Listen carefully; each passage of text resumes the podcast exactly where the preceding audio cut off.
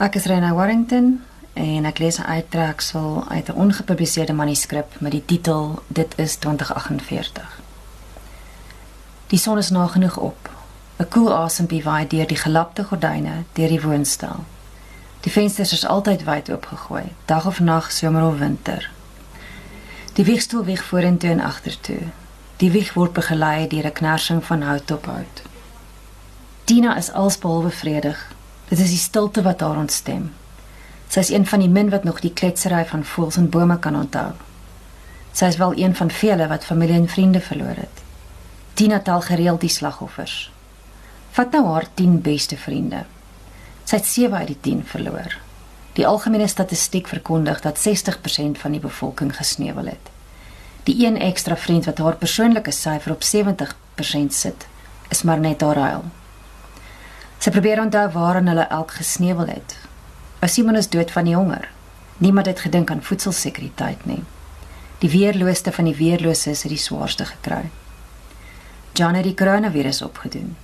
Henry is opgeroep om teen die buitelanders te beklei. Josephine, Margaret en Susan is dood aan nuwe en vreemde virusse. Toe die ys gesmelt het, het dit vreemde goggas losgelaat. Sandy is dood aan doodgewone malaria, oor doodgewone malaria pille opgeraak het. Ai. Vanoggend mis Tina selfs die gekwetter van die tarantale wat vanaf die aangrensende golfbaan in hul tuin kom kos soek het. Die nuutgebore veerbolletjies was die oulikste. Wanneer hulle oorhaastig was, het hulle meer oor die grasperk gerol as gehardloop. Al wat sy nou oor het, is die kraaie. Tina weet, die buurtkinders is bang gepraat met die legende rondom haar. Die boggelrug nagkreatuur met 'n onblusbare drang na bloed. Die meerderheid volwasse bure, skuldig of onskuldig, was ook al aan die verkeerde kant van haar hal geweer.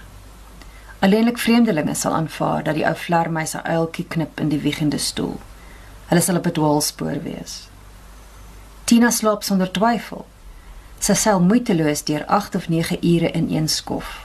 Daarbenewens slaap sy die droomlose slaap van die dooies. Dit vind wel nie in die nag plaas nie. O nee. Die slaappatroon het in die goeie ou dae ontstaan toe sy 'n familierestaurant suksesvol behartig het. As jy die belligerante Suid-Afrikaanse burgers en hul stout gat mini-ekke sonder geweld kon bestuur, het jy selfbeheersing van staal gehad. Die loslaat van hierdie ingehokte selfbeheersing, plus die stadslegende dat Tina werklik ware vampier is, dra als by tot die sekuriteit van die kompleks waar sy woon. Haar situasie is nie ongeëwenaard nie. Daar is ander komplekse, ander buurte wat 'n Tina 'n hul geweer en 'n gewetenlose sy tot 'n persoonlikheid nodig het.